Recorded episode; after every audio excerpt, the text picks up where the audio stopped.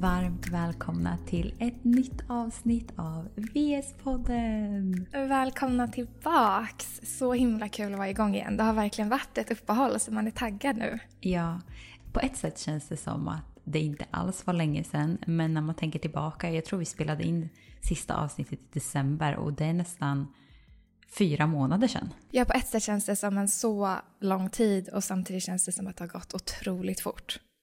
Ja, det är helt sjukt. Men jag tänker att vi kanske ska börja catcha upp lite. Vad har hänt sen sist egentligen?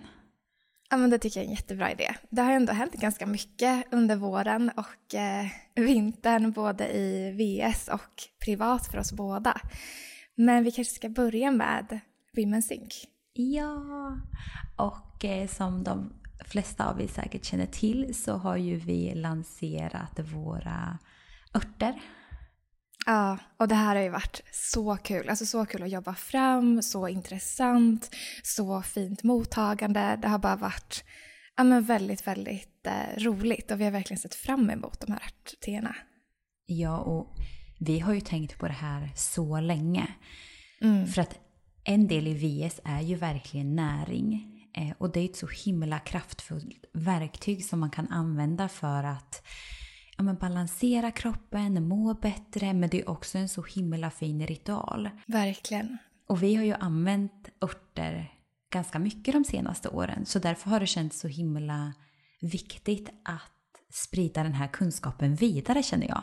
Ja men exakt, och som du säger, så var ju egentligen så här, kost och näring den aspekten som vi började kolla på först. Och det här är ju verkligen så nära anknutet just för att det finns så mycket mineraler och vitaminer och viktiga ämnen i örter som man kan ja, ta vara på genom att dricka det som örtte eller som infusion som vi också har pratat om en del på Instagram. Nej, alltså jag har blivit helt hooked på det här och vi har jobbat tillsammans med en örtspecialist eh, här på Island. Ja men berätta om Erla. Nej men alltså hon är så cool och hon jobbar på den största egentligen praktiken här på Island.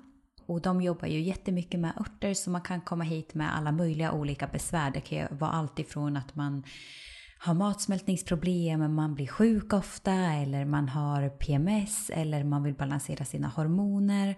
Så de jobbar ju liksom med alla de här delarna och integrerar örter då som en del i det. Det är det som är så fint, på Island finns det ju mycket örter så att de plockar ju mycket av örterna här på Island som de sen använder i deras praktik.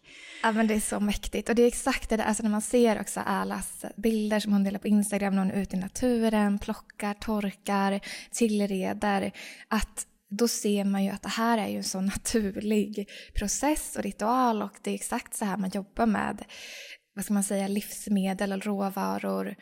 Från att man plockar ur jorden till att man använder det för eget bruk på det sättet. Att det är ju bara så fint att få se den processen i verkligheten. Mm. Och att det finns så himla mycket visdom. Att när hon mm. pratar om örterna och sättet hur hon pratar om det, vi måste ha med henne i podden för folk behöver Verkligen. höra henne berätta om det här. För att absolut den fysiska dimensionen, men sen är det ju också så himla mycket emotionellt, spirituellt som man faktiskt kan använda örter och hur det kan liksom hjälpa till och stötta olika processer i kroppen. Mm. Och det är, så här, det är en tradition kring örter och det är ingenting som bara funnits i en viss del av världen utan det är någonting som man även i Sverige har jobbat med, alltså på Island, i andra delar av världen. Örter har ju alltid funnits som en del av men både mat och naturmedicin och har varit en viktig del för människor alltid. Mm. Och sen är det ju, det finns ju inte, på vissa örter finns det ju ganska mycket forskning men på andra finns inte det. Men det du och jag har pratat om jättemycket är att vi älskar forskning och att mäta saker. Men vad vi också älskar är ju det här alltså, traditionella, det som inte alltid går att ta på men som upplevelser spelar roll. Och det, det här när det kommer till örtmedicin och naturmedicin, det är någonting som har funnits i tusentals år.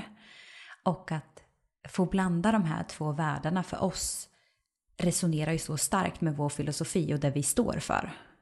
Verkligen, precis som du säger så är ju de här, äh, man har ju använt dem i tusentals år och det är ju verkligen att ackumulerade upplevelser av vad människor har upplevt att det har gjort för dem, precis som att vi lyfter erfarenheter och upplevelser i communityn. det, ja, men det är verkligen sammanflätat för oss. Mm. Så vi har ju våra två olika örtteer och ena är ju Female Cycle Infusion. Och här har ju Äla satt ihop ett recept på örter som egentligen kallas kvinnospecifika örter.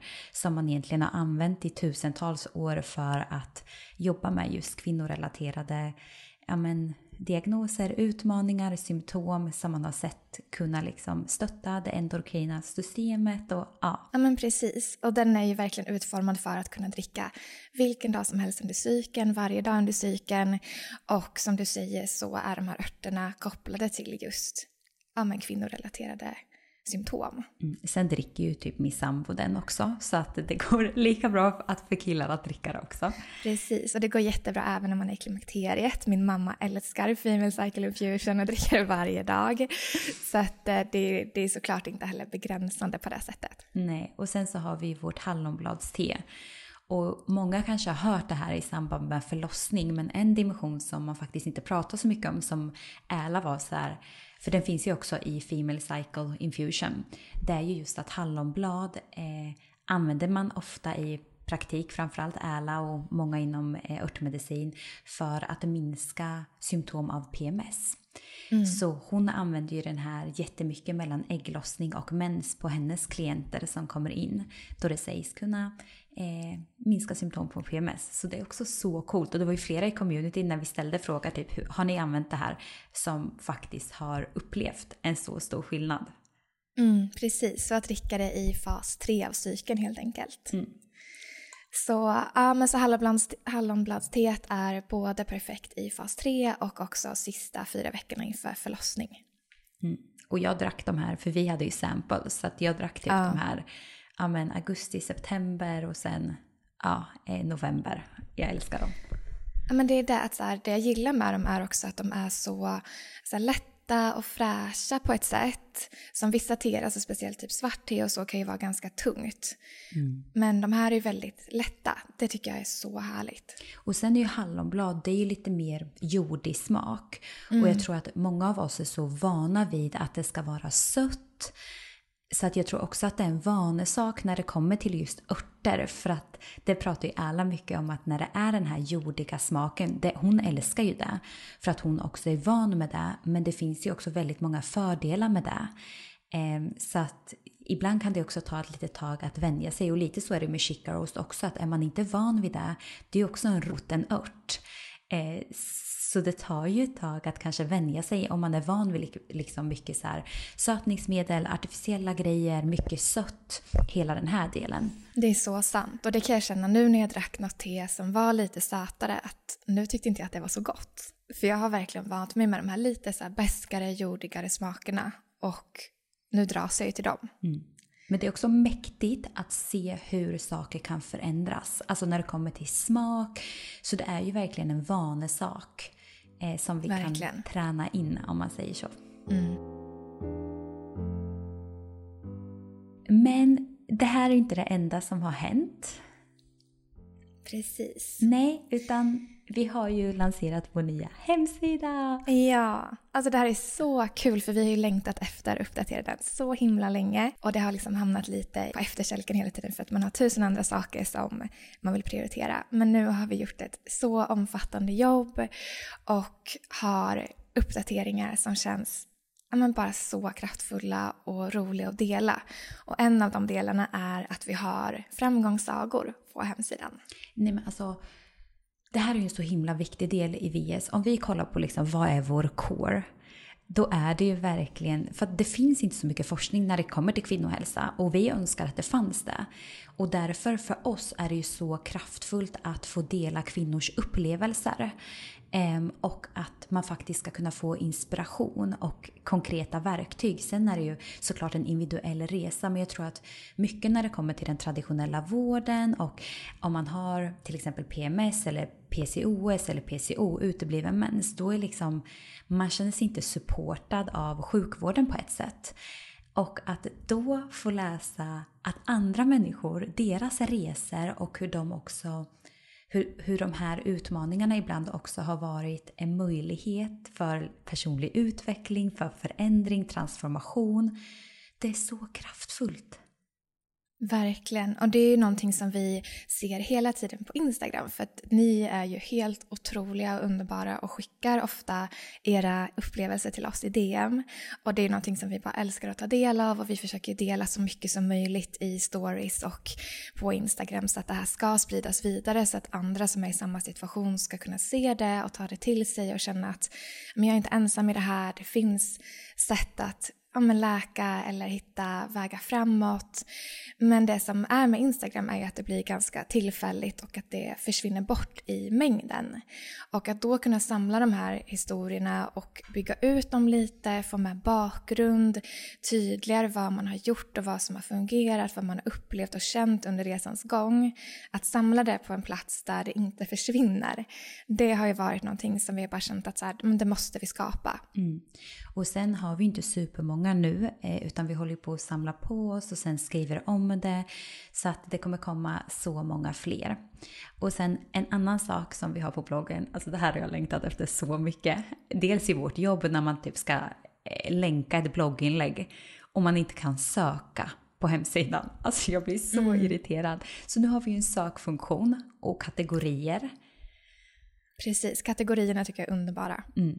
Så då kan man lätt navigera vart man vill, vad man vill läsa om, vad man inte vill läsa om. Så det känns helt fantastiskt. Mm, och det tror jag också många kanske inte ens har sett att vi har en blogg mm. och recept på hemsidan. För att mycket av inter interaktionen med oss är ju på Instagram. Men vi har ju lagt flera års arbete av att skriva de här blogginläggen. Vi har gästbloggare som har varit inne och skrivit artiklar, som är liksom yrkesaktiva inom kvinnohälsa. Och vi har så många olika teman så det finns verkligen en hel men en, ett helt djup av kunskap att ta del av där. Så det är verkligen ett tips om ni inte har varit inne och kollat på bloggen och recepten. Mm, det ligger dagars arbete i ett blogginlägg. Fy fan alltså. ja, men verkligen. Alltså det är ju... Ja, det är någonting vi har jobbat så mycket med så det känns också bara så kul att äntligen få lyfta fram det lite mer och göra det mer tillgängligt. Mm. Och sen så har vi ju recepten. För det är någonting vi ofta får frågor om vad för olika recept. Så det här kommer vi ju fortsätta fylla på med. Eh, så man lätt kan hitta inspiration. För på Instagram, jag älskar Instagram och att ha sparade mappar. Men att ha det i ja, bloggformat på en hemsida, det är också väldigt skönt. Verkligen, speciellt när man står i köket och ska göra det här receptet. Då tycker jag det är skönt att ha det på skärmen framför sig, att det inte försvinner i någon reel eller ja, försvinner iväg. Mm. Och där är det också att vi har kategorier som man kan söka efter. Lunch, middag, frukost, snacks, såser, vad man nu är ute efter så är det väldigt lätt att hitta. Mm. Och en av anledningarna till att vi har skjutit upp lite på podden det är ju för att vi håller på med ett annat litet projekt. Mm, eller ganska stort projekt. Ja, fy fasen.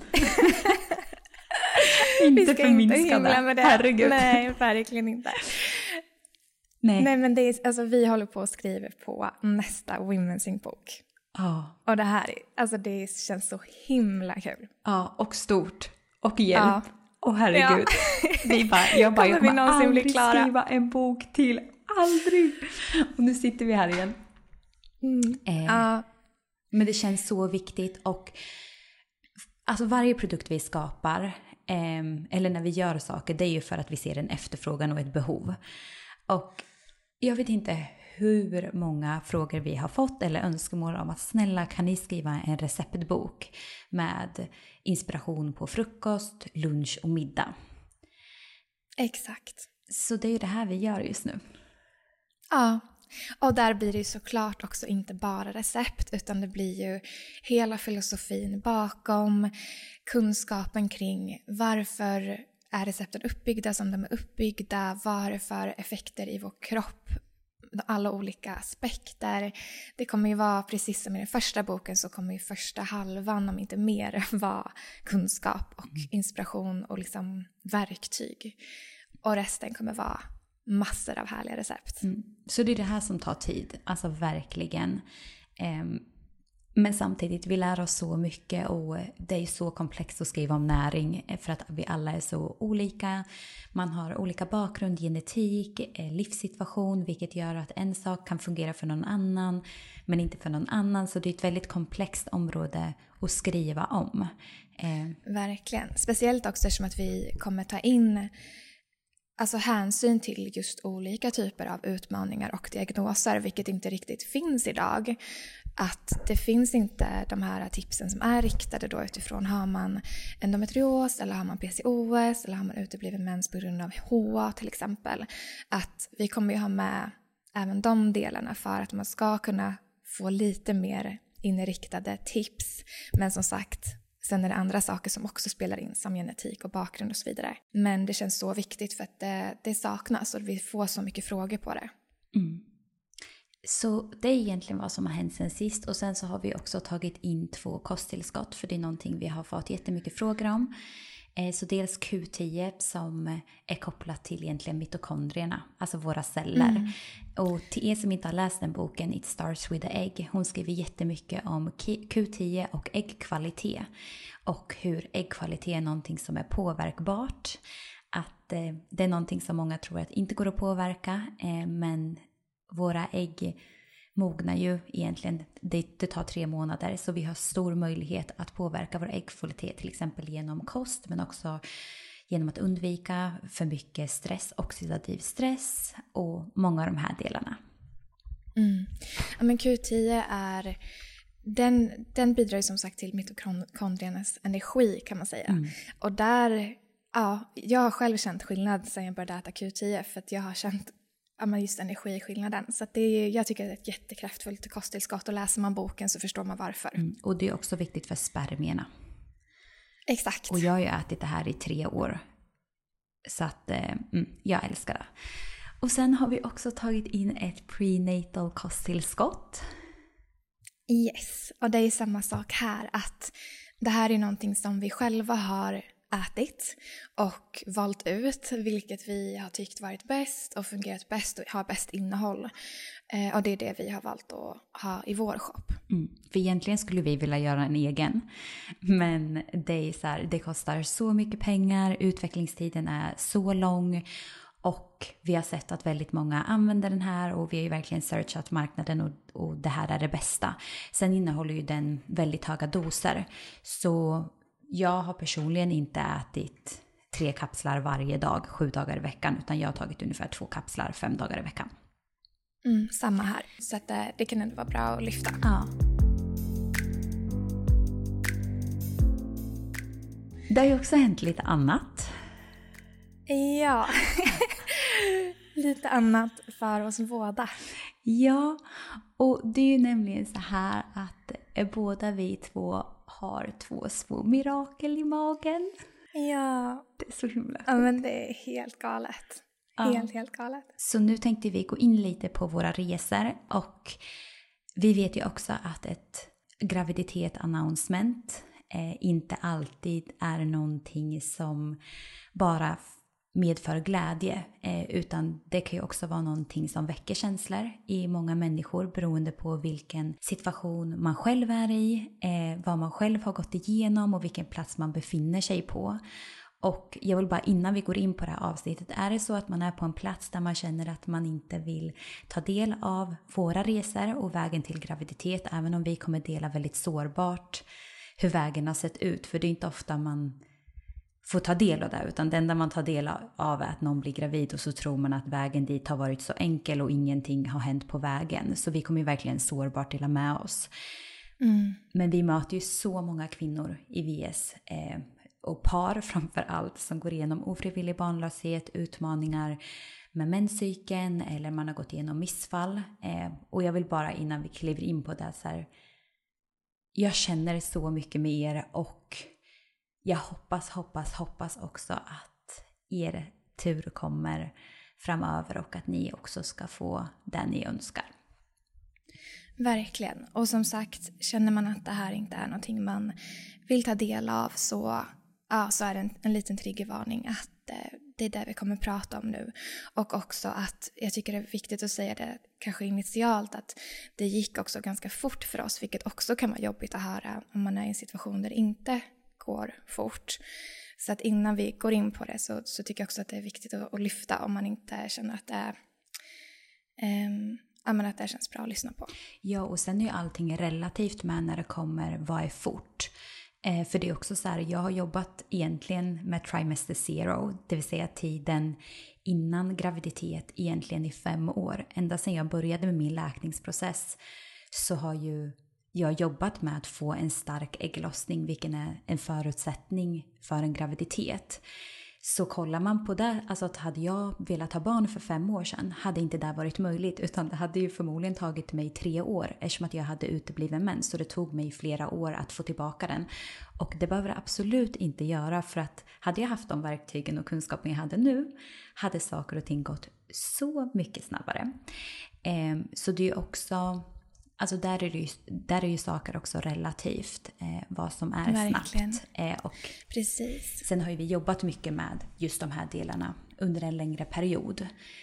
Precis, och det är det som också är så intressant och det är det vi kommer prata om nu, just trimester zero och allt det här som vi faktiskt har gjort inför men som inte är ja, allmän kunskap, det är ingenting man pratar om och det här är kunskap som vi har kunnat implementera men som sagt vi hade inte den kunskapen för tre eller fem år sedan. Och det är ju också hela vårt mål är ju att den kunskapen ska nå ut till fler. Så att man, ja, så att man kan göra aktiva förändringar tidigt. Mm. Och det är också så här, alltså kollar man egentligen på allt vi pratar om i VIs filosofi, alltså om menscykeln och att ha en menscykel som är stark och där man mår bra. Det är ju egentligen en spegling av fertilitet, de två hänger samman. Så jobbar man med de delarna, att man får koll på sin cykel, alltså man lär sig tracka, man lär sig förstå den, men också att man går till alltså rotorsaken om det är så att man har obalanser. Redan där har man ju gjort jobbet. Exakt. Ja, men just att förstå sin kropp och vad man själv typ reagerar på eller har utmaningar kring. Det, det är ju verkligen grunden. Mm. Men jag är så nyfiken, även om jag vet hela resan så är det ändå så fint att höra på det här sättet och jag kan tänka mig att så många är nyfikna på att veta mer. Kan inte du berätta hur er väg till graviditet såg ut? Ja, men jag tänkte att jag skulle börja prata om en del som har varit jätteviktig för mig och oss. Och det var tidigt börja prata om timeline. För att trimester zero handlar ju inte bara om vad man kan göra fysiskt, alltså typ genom kost eller ja, träning eller vad det nu är, utan det är också någonting man kan jobba med mentalt. Och det var någonting som vi, långt innan vi började försöka så hade vi en diskussion om just timeline. Eh, och det är också någonting som var viktigt för att jag har fått sån respekt för att alla, all kunskapen vi har fått och genom alla stories vi har hört så är ju en av de största insikterna att det är helt naturligt att det tar tid. Um, så att det, det var någonting som vi pratade om så att vi båda var medvetna om att det är helt normalt, det kan ta runt ett år eller längre och det är någonting vi ska ha i åtanke. Och det vi gjorde var också att vi diskuterade olika scenarion och hur det skulle utspela sig i våra liv och i förhållande till våra förväntningar om ja, men säg när vi tänker oss, när skulle vi önska att det skedde? Hur skulle det på något sätt utspela sig. Så det vi gjorde var att ge oss själva en väldigt lång horisont och började egentligen försöka ja, men innan vi hade tänkt oss för att det inte skulle kännas som en stor grej och att man inte skulle börja den här nedräkningen. Så när vi pratade så tidsmässigt, ja, men när, när tänker vi oss, när hade det varit ja, men optimalt i vår värld för att ändå lyfta alla möjliga scenarion. Då pratade vi om nu under våren 2023. Men skulle vi bli gravida tidigare eller senare så kommer det fungera och vi kommer vara beredda på det. Men eh, att sätta den långa tidshorisonten gjorde att jag inte kände mig stressad initialt och det var jätteviktigt. Och här var ju också en grej att jag hade, men jag har ju haft utmaningar med IBS som jag har pratat om mycket och eh, att IBS och näringsbrister är någonting som skulle kunna stå i vägen. Så det var ju någonting som vi också visste om och som jag tyckte var skönt att prata om med min kille. Mm. Så ja, den mentala biten var ändå typ steg ett för oss.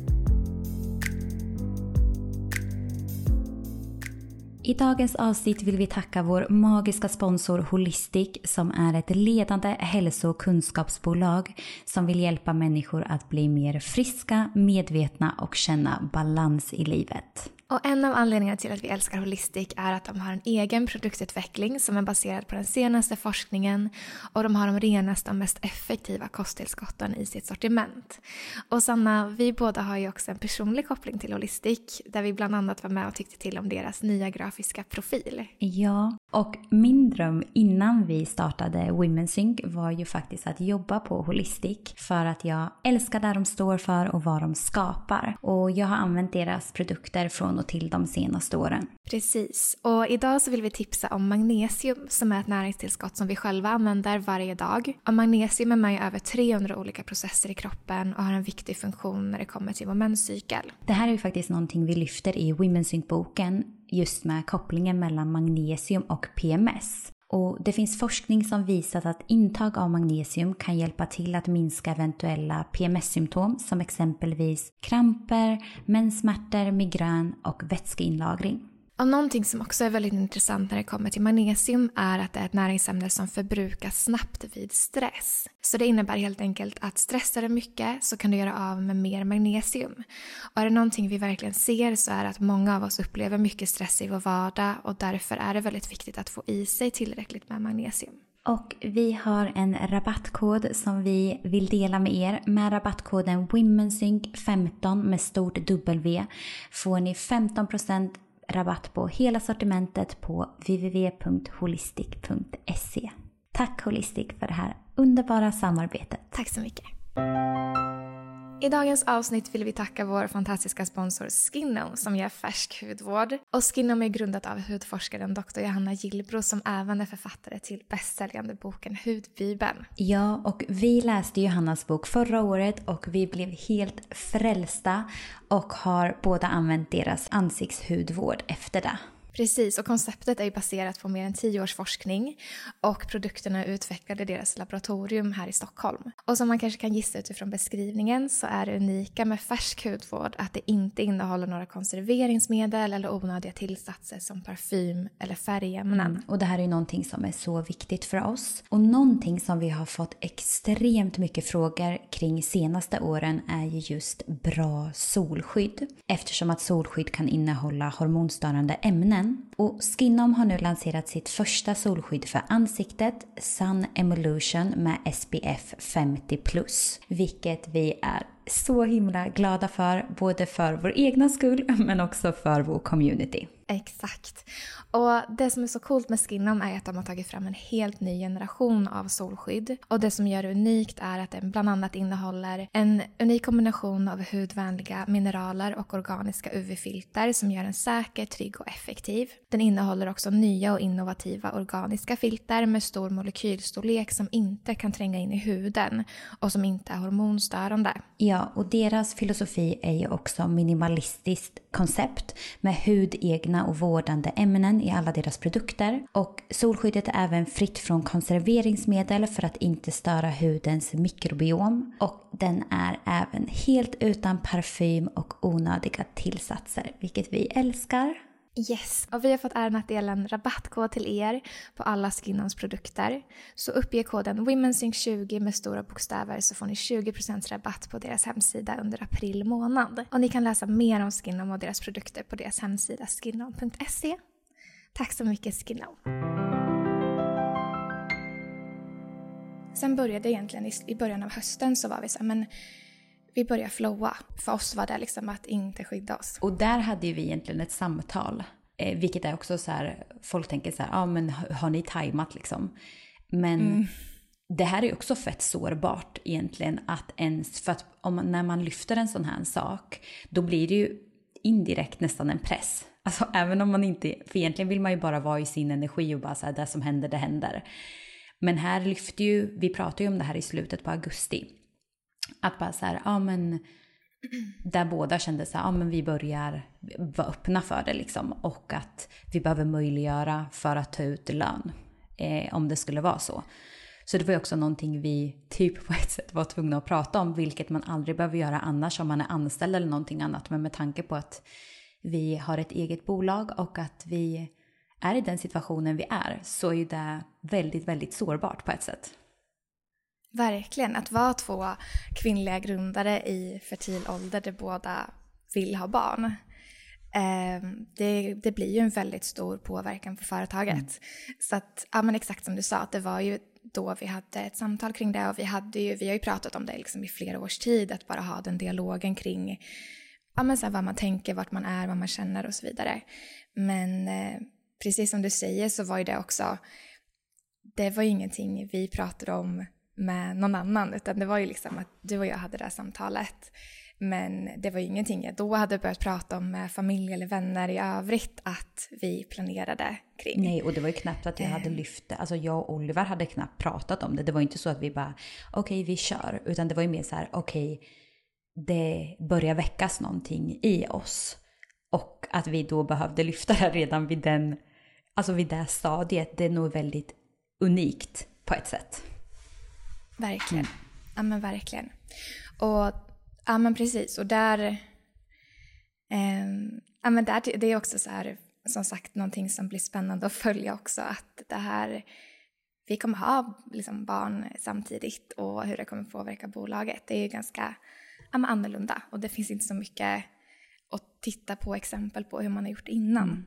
Men, så det är verkligen en läroprocess. Förutom, jag vet ju också att så här, förutom liksom timeline, hela det, men redan innan ni ens kom till augusti så du började ju göra förändringar redan på sommaren, till exempel med koffein och allt det här. Kan inte du bara dela lite, för det tror jag ändå är intressant. För det var ju en del i din mm. trimester zero då. Verkligen, och det var ju som sagt redan på våren egentligen kan man säga. Um, och men som sagt, där har ju IBSen varit min stora utmaning om man säger. Eh, och redan då på våren så var det ju dels som du sa med koffeinet, att jag mer aktivt började dra ner ännu mer på koffein. Alltså jag har ju minskat koffein de senaste åren och speciellt sen vi fick in Chica Roast.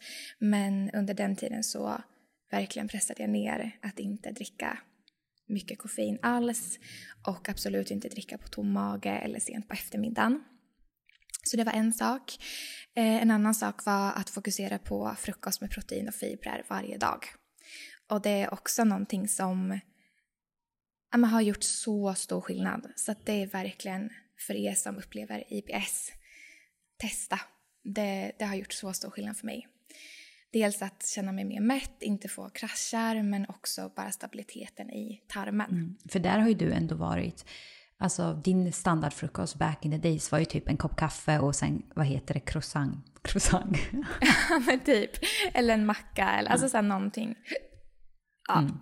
något åt det hållet. Mm. Eh, och det är ju någonting som alla vanor är svåra att bryta när det kommer till livsstil. Så det, det får ta tid. Men här var jag som sagt noggrannare med att fokusera på det varje dag och att inte som sagt dricka kaffe innan frukost eller dricka kaffe alls egentligen under den här tiden. Ja men så frukost, superviktigt. Och under våren så började jag också äta kosttillskott. Och då var det ju dels Q10 som vi pratade om innan och en del andra kosttillskott men sen bytte jag ju ut de som jag tog kanske en och en till den här prenatal som vi har. Eftersom att den innehåller alla de viktiga eh, som jag sökte. Så kosttillskott har faktiskt varit en väldigt stor del och det är någonting som inte jag personligen har jobbat med så länge utan det är egentligen typ sen årsskiftet eller sen i våras. Och helt ärligt så är jag typ chockad över hur stor skillnad det har gjort. Mm. Det har verkligen varit men, en jätte, jätteviktig grej för mig. Så uh, har man inte testat det och kanske känner sig tveksam till det så kan jag säga att det var jag också.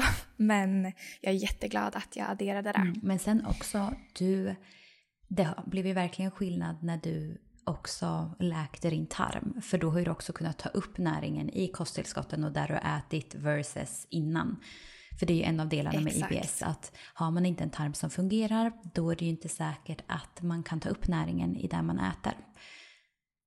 Så då mm, spelar inga kosttillskott i världen någon roll. Så det är viktigt att verkligen, eller att man till exempel dricker, dricker koffein som kan blockera upptaget av näringstillskotten. Precis, och det tror jag är en kombination att jag ja, men, uteslöt koffeinet och stabiliserade tarmen på flera andra sätt gjorde ju att jag började ta upp näring igen.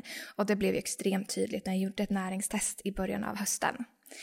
Um, och det här näringstestet visade att jag låg lågt på både järn och B-vitamin.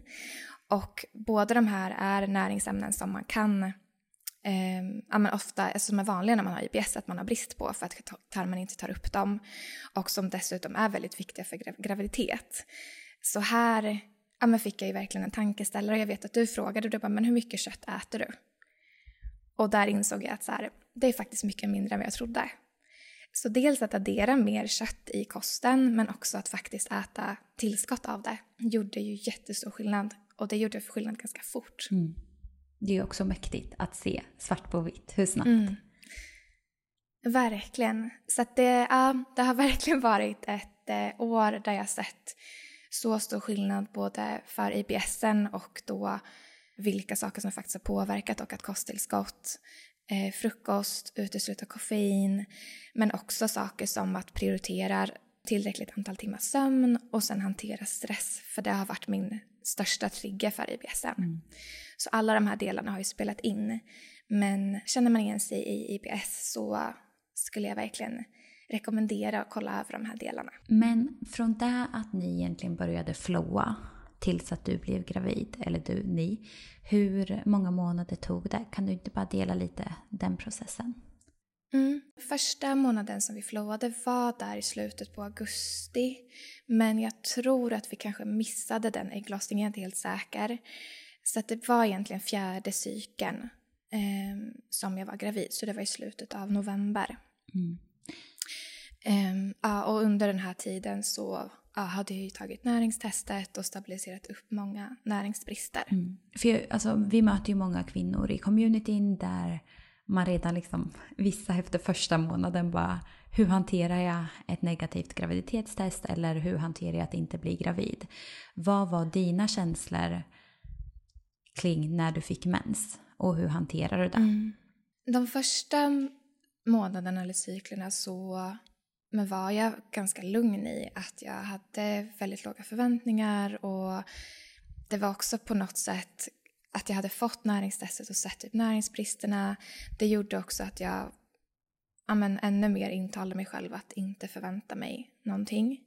Men efter ändå kanske ja, andra, tredje cykeln så ska jag inte, alltså, ja, men jag ska vara ärlig med att absolut, det var verkligen tankar som slog en att ja, men känna en viss typ av besvikelse. Att så här, ah, det gick inte den här gången heller.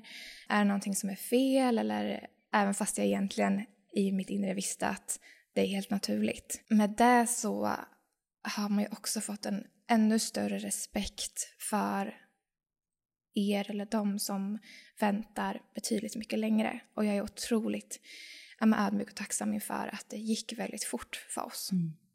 Och hur när du kände de där känslorna av besvikelse, vad använder du för verktyg för att navigera igenom det?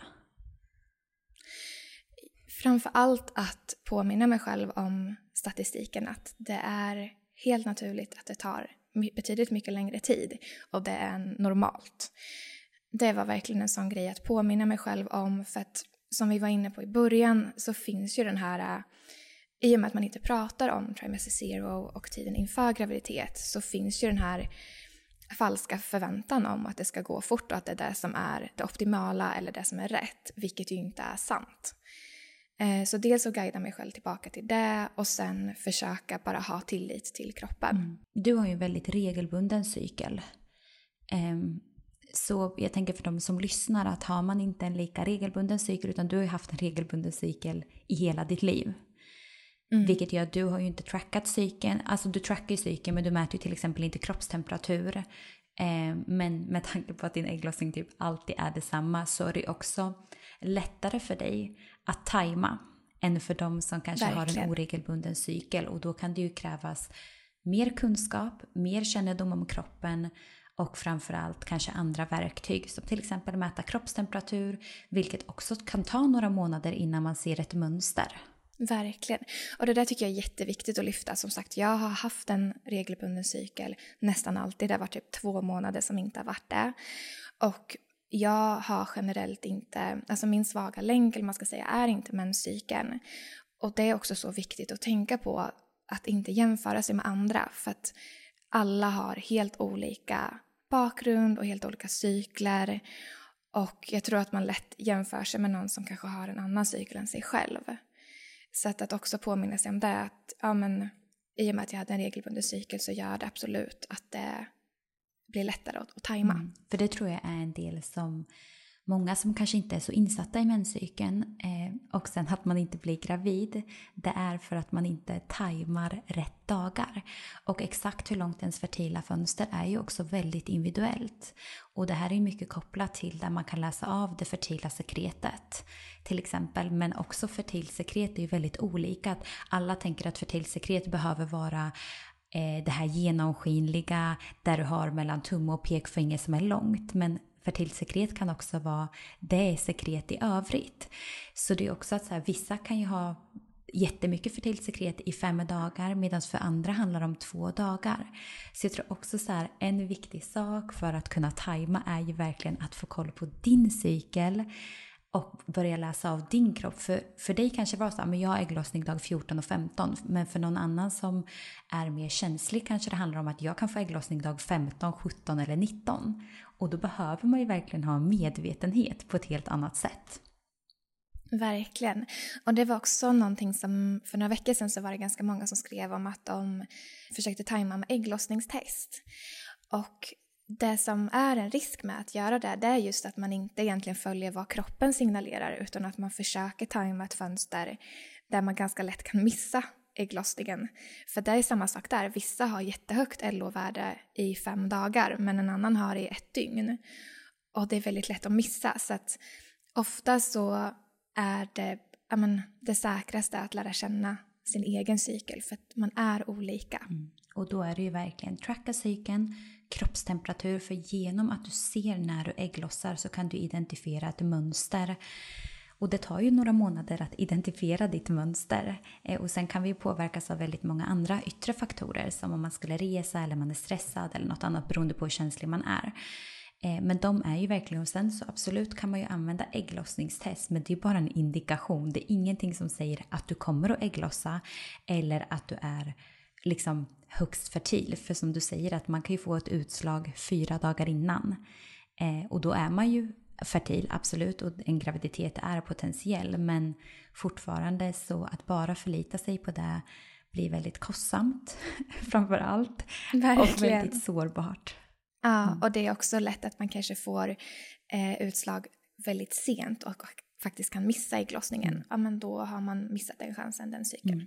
För att när ni ändå började flowa, då var ni ändå så här, vi tajmar ägglossning. Ja, inte första månaden, men sen var det ju absolut mm. Att vi hade det i åtanke. Mm, då var han också mm. liksom med på den banan. Mm. Ja, verkligen. Men som sagt, där var ju att jag verkligen försökte vara tydlig med att vi inte skulle ha förväntningar mm. för båda skull och att inte man ska känna att det blir en för stor grej, för det, det blir det ju förr eller senare oavsett. Mm. Men vad var dina tidiga graviditetssymptom? Jag blev eh, illamående ganska direkt efter, ja, efter att jag blev gravid då tydligen. Men den gången så trodde jag att jag var, ja, men hade fått influensan typ. Eh, så jag fattade inte alls att det var ja, graviditetsillamående.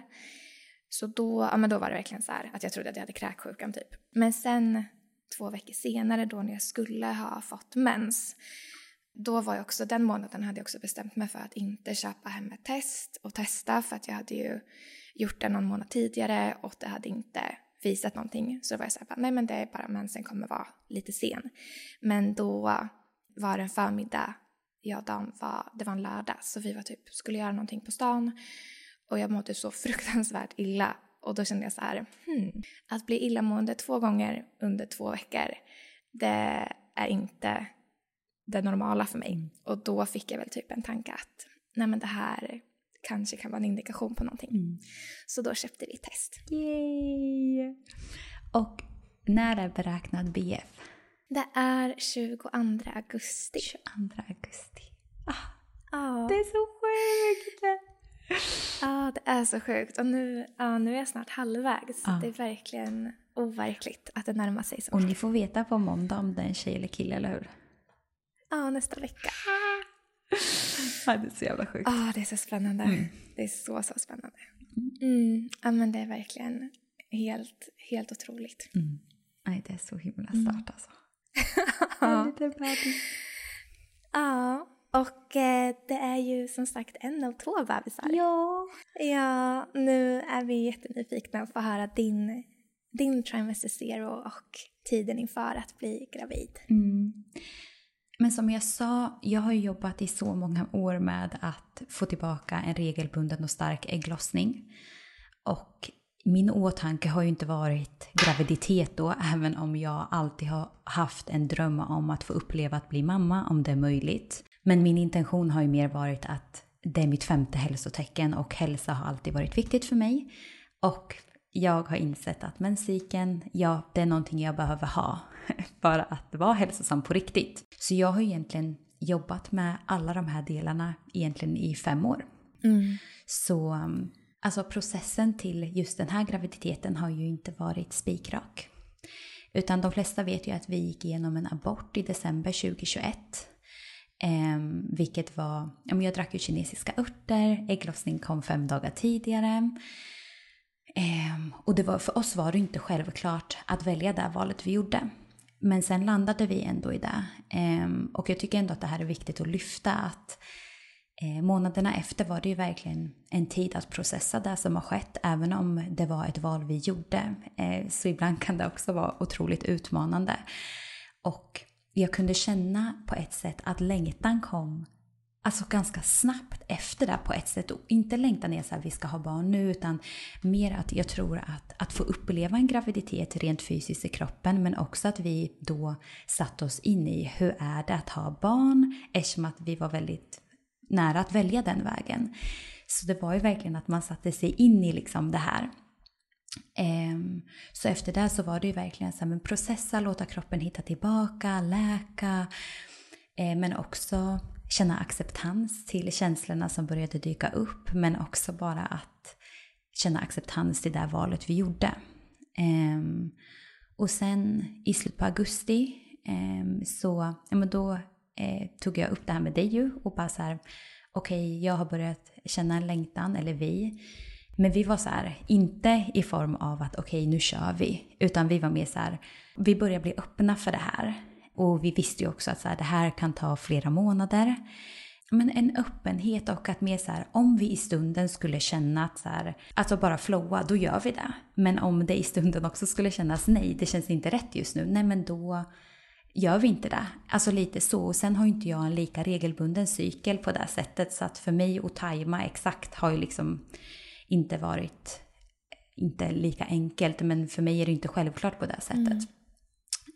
Men det är också nu när du säger det så tänkte jag inte på det förut. Men som slog mig nu att när vi började försöka, eller flowa om man säger, då hade jag också en rädsla för att det inte skulle gå för att jag aldrig har varit gravid. Och det tror jag är någonting som många upplever även om man har en regelbunden cykel eller inte, att det är ingenting man tar för givet. Att ja, men man vet ju inte helt säkert, även om man har att allt indikerar att det ja, men, ska gå bra, så finns, alltså är den rädslan väldigt vanlig. Verkligen. Så ja, men i slutet på oktober var det ändå så här, ja men vi, vi börjar bli öppna. Och sen i september så blev vi gravida. Eh, så vi blev ju gravida första månaden vi inte skyddade oss, vilket ja, men det, var, det var en sån chock med tanke på att man ändå har föreställningen om att det kan ta tid och man, jag är väldigt ödmjuk för det och det var ju också Oliver med på. Um, så ja, det blev en chock men alltså den själen var ändå så, så välkommen och vi var, alltså, vi var så lyckliga. Och det kändes så himla fint att få uppleva det här. Eh, men sen, några veckor senare, Eh, så togs den lyckan ifrån oss då vi fick ett missfall i vecka sju. Och det här, alltså, jag har en sån djup förståelse för andra kvinnor som har gått igenom det här och eh, jag vet också att det är svårt att sätta sig in i vad det faktiskt innebär när man inte har upplevt det själv eller man kanske inte har varit gravid. Men det, var, det är verkligen en obeskrivlig smärta att det man har drömt om, att, att faktiskt få uppleva det och att det sen tas ifrån en, det, alltså det är svårt att beskriva. Så Ja, så vi gick igenom det och det sjuka är, och det är inte egentligen sjukt för jag har en väldigt stark intuition, men det var ju att jag kände en sån sjuk rädsla, alltså bara slog till i min kropp. Att, alltså rädslan för missfall och det var på ett helt orimligt sätt. Och jag kommer ihåg att så här, vi fick missfall på onsdagen och på lördagen. Alltså jag bara grät och grät och jag bara, Oliver bara, vad är det? Jag bara, jag kunde inte förklara. Eh, så förmodligen hände det ju innan det faktiskt skedde. Och jag, jag kände det i min kropp liksom. Och jag vet att jag pratade med Maria Sirén om det och hon bara, ibland vet man och det var ju inte vad jag ville höra då. För då hade jag ju inte fått missfallet. Eh, men sen så, jag mätte ju också olika saker, typ som jag hade åraring, så den mätte ju temperaturen och jag kunde se att mitt HRV var extremt lågt, även om det är vanligt att HRV går ner när man är gravid, för kroppen jobbar ju mycket mer, så jag tänkte inte jättemycket kring det liksom. Men eh, sen så upplevde jag att eh, graviditetssymptomen också avtog och sen att tempen droppade. Och då var det ju bara så här, så då vet jag att jag tog ett gravtest på måndagen Eh, och det var, jag var gravid. Men sen så fick vi missfallet. Eh, så ja, men efter det var det ju verkligen en process att, att läka där liksom. Mm. Ja, det är någonting som du också, ja men du gick ju in i det väldigt så medvetet att ge dig själv tid att läka och jobbade med det väldigt aktivt och det tycker jag också är så viktigt att generellt ge mer utrymme för att missfall har inte ett utrymme i samhället, i dialoger, i diskussioner. Det är fortfarande tabu och någonting som inte pratas om.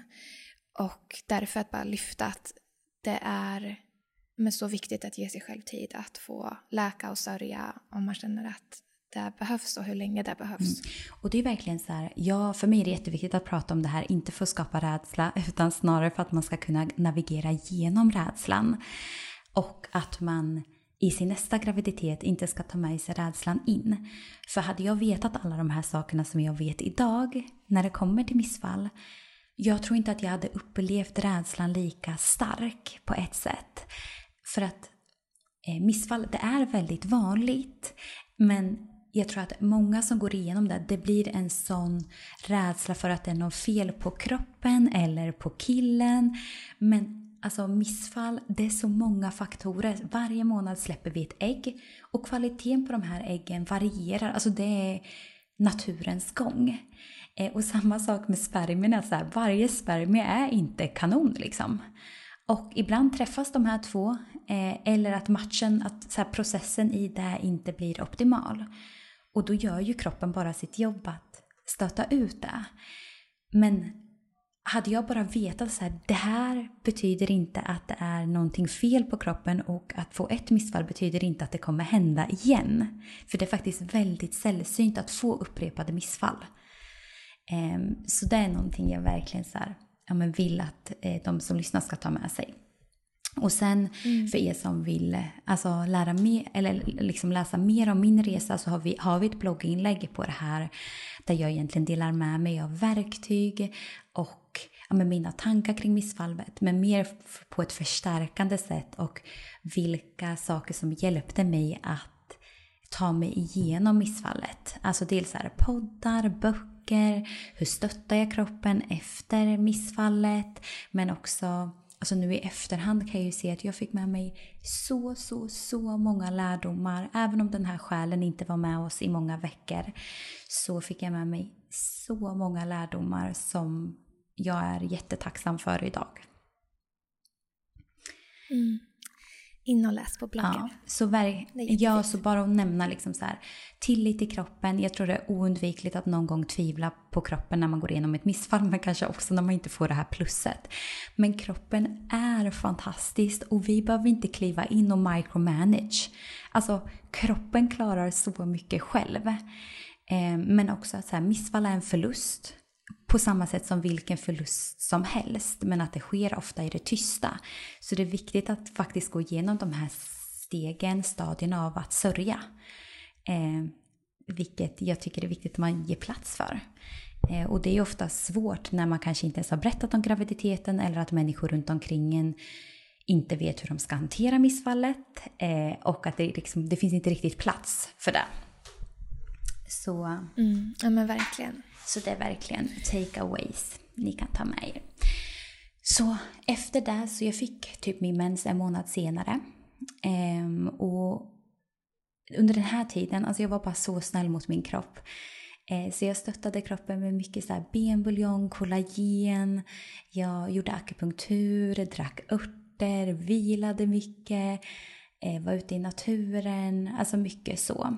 Ehm, så jag, jag, vet inte om jag fick ägglossning då månaden efter missfallet för jag trackade inte någonting utan jag ville bara säga kroppen gör ditt jobb liksom. Eh, du ska få vila. Eh, och sen månaden efter så var jag hos Diamantis eh, och han var så här, jag tycker du ska ta ett borrelia-test. Och jag bara, borrelia? Alltså vad snackar du om? Jag har inte borrelia typ. Jag bara okej, okay, ja men jag gör det. Eh, och ett parasittest. Ehm, och det här var ju då i november typ runt, ja, i mitten på november. Så då um, fick jag tillbaka svaren på parasiten först. Jag hade en parasit i tarmen. Fan, men det här har ni hört om tidigare. Mm. Så det, mm. det, fix, det fixar vi ju. Eh, och sen eh, skulle vi åka till Thailand eh, i slutet på november. Så um, i bilen på väg till Thailand fick jag veta att jag hade borrelia och två co-infections, Bartonella och Babesia. Och det här skapade ju alltså, så mycket rädsla i mig. För att dels ha gått igenom det här och man kanske tvivlade lite på kroppen och sen det här. Jag bara, nej men alltså jag orkar inte. Eh, men då i, samband, eh, i samråd med Diamantis så valde jag att göra flera behandlingar i Thailand nu. Eh, så då gjorde jag ozone therapy, hydroplastic, oxygen therapy och eh, stärka immunförsvaret. Eh, och det är många med borrelia som gör massa andra behandlingar som antibiotikakoden. Men jag valde helt enkelt att efter det här att bara... Alltså intuitivt kändes det bara att det här är enough för mig. Jag behöver inte göra någonting mer. För det känns som att det hela tiden är också i det här samhället man ska fixa, fixa, fixa typ kroppen. Men kroppen är, alltså den kan själv. Ibland behöver man inte lägga på saker utan ibland behöver man bara få låta den vara typ. Mm, så i början av december var jag färdigbehandlad eh, och då fick jag min mens eh, i mitten på december. Typ så här, ja, 13 december eller något sånt. Och det var faktiskt första månaden jag kände mig som vanligt igen. Alltså jag kände mig återhämtad, jag kände att kroppen hade, alltså kroppen var bara återställd och jag hade ju också två veckors semester i Thailand där jag också, alltså jag släppte allt som hade med hälsa att göra. När du kanske mer optimerade, du vet näring och sånt. Jag släppte snarare allting. Alltså jag åt saker som jag var sur, alltså så här, som jag inte ätit på flera år för jag bara, men jag vill ha det här. Men sen också bara att vara i den miljön. Att så här, jag läste vanliga böcker, jag jordade mig, jag badade, vi spelade spel. Samtidigt som det också var en väldigt stor process i att eh, läka det som hade varit och att stärka min kropp. Och framför allt jobbar jag mycket med så här, tacksamhet, affirmationer, att bygga upp tilliten till kroppen och verkligen känna i varje cell i min kropp att jag är hel. Och att alltså så här, bara divine, alltså vad är det här feminina? Att inte behöva vara framåt.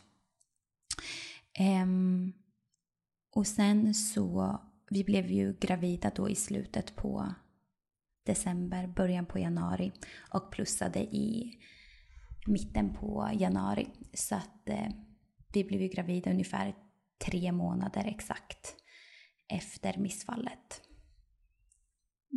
Ja. Mm. Alltså det är så ja. fint. Nej men det är, det är verkligen helt fantastiskt. Och nu när jag tänker efter, då är det, för er tog det ju typ fyra månader.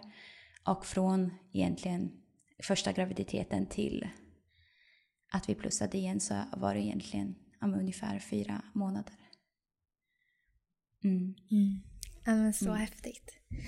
Och också så här, ja, men nu har vi en månad mellan våra beräknade förlossningar. Jag 23 september, du 22 augusti. Ja, alltså det är verkligen en, en månad. Nej, men alltså, Alltså det är ingenting man hade kunnat föreställa sig och som sagt det är ju verkligen ingenting vi har planerat. Mm. Även om det kanske kan se ut så utåt. Utan det är bara så här, ja det är, och det är också så här, det går inte att planera en graviditet. Alltså det är så här, Gud. Och det är ändå en viktig sak som för mig, jag har ju verkligen en tro på något större. Och för min del har det också varit att så här, det här handlar inte bara om mig eller Oliver utan det handlar också om en tredje part eh, som ska komma till den här jorden och den personen måste också vara redo liksom. Eh, så det är också någonting jag har vilat alltså väldigt mycket i. Så ja, det har verkligen varit en process men det är också så här, man lär sig så mycket under processens gång, även om saker är utmanande eller, och vi alla är på olika resor så det går ju verkligen inte att jämföra sig. Men i efterhand kan man ju ändå se typ att man har lärt sig så mycket och hela den delen.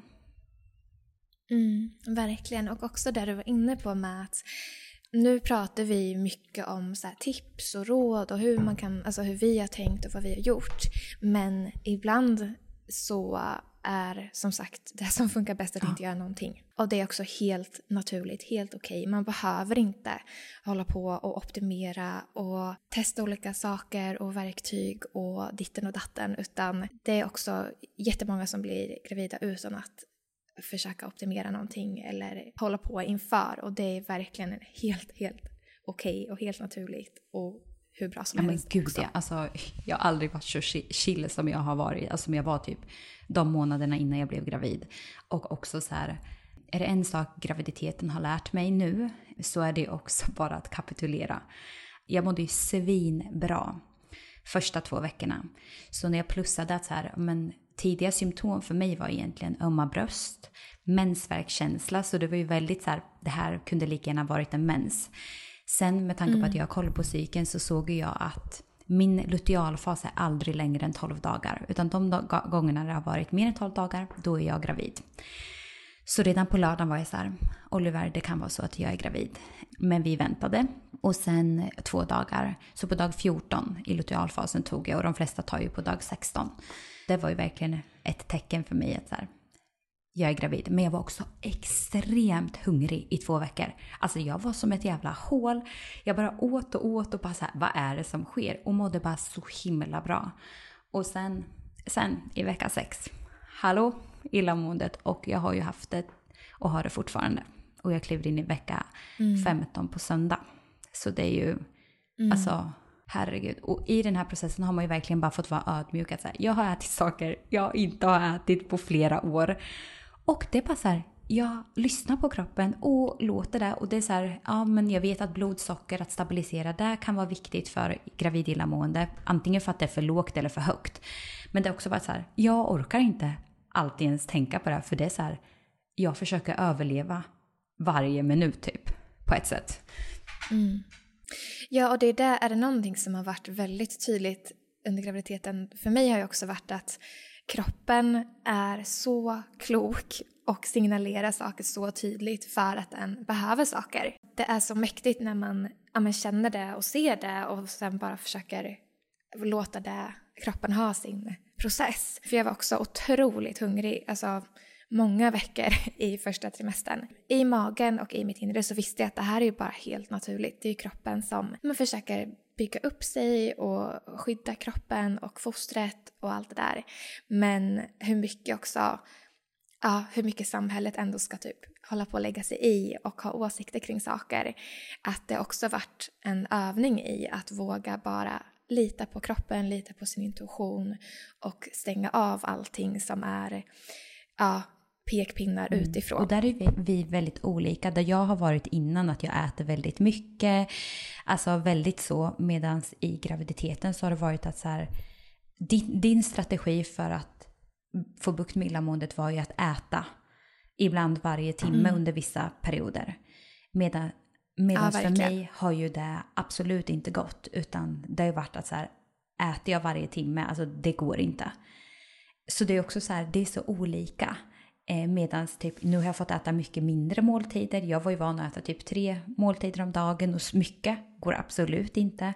Sen typ senaste veckan har det varit mer typ lite så här, ja men en clementin kanske typ varje timme för att det är det jag behöver då. Mm. Medan det var helt otänkbart för mig. Hade jag bara ätit en clementin, det hade Nej, inte gjort men det är någon det som. Är så, sjukt. Alltså... så det är också så här, alltså man får ju verkligen kapitulera till det som är och jag tror att det är en förberedelse för det som kommer. Alltså att vara i det feminina, lyssna in exakt ens, ens egna behov och känna in vad som känns rätt när det kommer till näring, allt det här. Och till exempel, jag har ju aldrig ätit gluten. Nu har jag ätit jättemycket gluten. Men sen funkar inte det för min mage utan jag blir förstoppad, vilket inte är så kul under början av en graviditet utan som också spelar in sen på illamående. Men faktiskt att tillåta sig göra och testa det. Alltså det är så här... Mm. Verkligen lita mm. på kroppen. Så det är ju en påminnelse. Och jag tror tiden innan också att så här, det är så viktigt att släppa det här där som föreställningar för hur saker och ting ska vara. Att våga lyssna på din kropp och ha tillit till den. Och den vet vad du behöver och ska göra. Eh, men också att kanske inte fastna för mycket just i det här barn, vilket är jättesvårt om man går månad efter månad. Men ändå ha saker runt omkring som du älskar att göra och att våga ha en öppen dialog med din partner så att du inte behöver bära på alla sakerna själv. För det är annorlunda i den här processen, både innan graviditet, under ett missfall, i en graviditet, att vara kvinna. För saker händer i våra kroppar. Så att mm. kommunicera mm. så man inte känner sig ensam i det. Men verkligen. Mm. Så, så viktigt.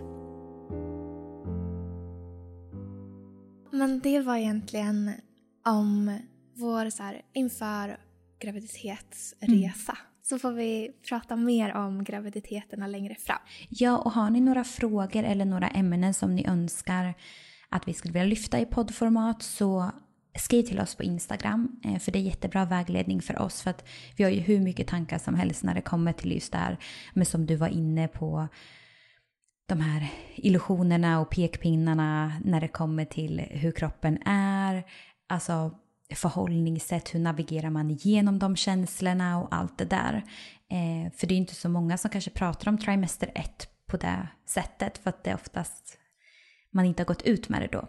Eh, så det, låt oss veta. Men verkligen. Och också, har du en framgångssaga som vi pratade om i början, om du har en upplevelse du vill dela med communityn kring PCOS, HA, endometrios, någonting annat menscykelrelaterat så mejla oss jättegärna på rebecca.womensync.se så kan vi lyfta din story bland framgångssagorna.